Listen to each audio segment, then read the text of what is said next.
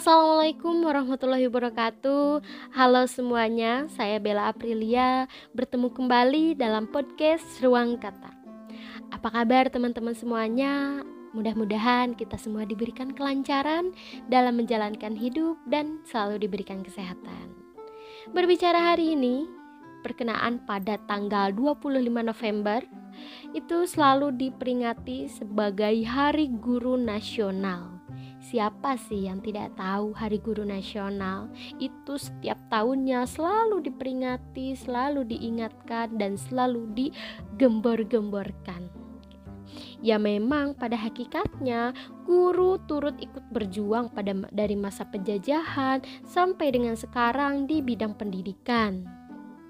Berbicara tentang guru, itu pasti sudah tahu bahwasanya guru adalah orang tua kedua di sekolah, tapi tanpa adanya guru, kita tidak bisa jadi apa-apa. Mau jadi presiden, mau jadi DPRD, mau jadi guru pun itu tidak akan terwujud kalau tidak ada guru. Nah, apalagi berbicara tentang profesi guru guru memang selalu dituntut untuk selalu bisa, apalagi dengan zaman sekarang itu guru harus selalu mengikuti zaman. Apalagi dengan adanya pandemi seperti ini, memang guru pantang menyerah. Guru pantang menyerah dalam memberikan pendidikan untuk muridnya. Ya, namun sayangnya ketika melihat pada lapangan banyak sekali yang terjadi adanya kesenjangan-kesenjangan baik itu pada pada guru apalagi khususnya guru honorer.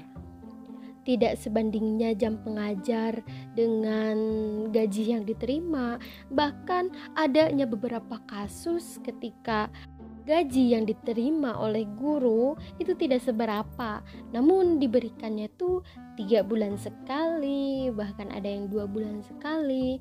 Itu sangat tidak rasional sebenarnya. Dan itu selalu terjadi di kalangan guru menengah ke bawah. Betapa mirisnya adanya kesenjangan itu. Apalagi dengan adanya kasus penjermusan guru ke jeruji hanya karena mencubit ini sangat tidak rasional, bahkan perlindungan terhadap guru pun itu sangat transparan sekali. Sehingga banyaknya guru yang enggan untuk mengajarkan secara maksimal kepada murid-muridnya karena ya memang takut.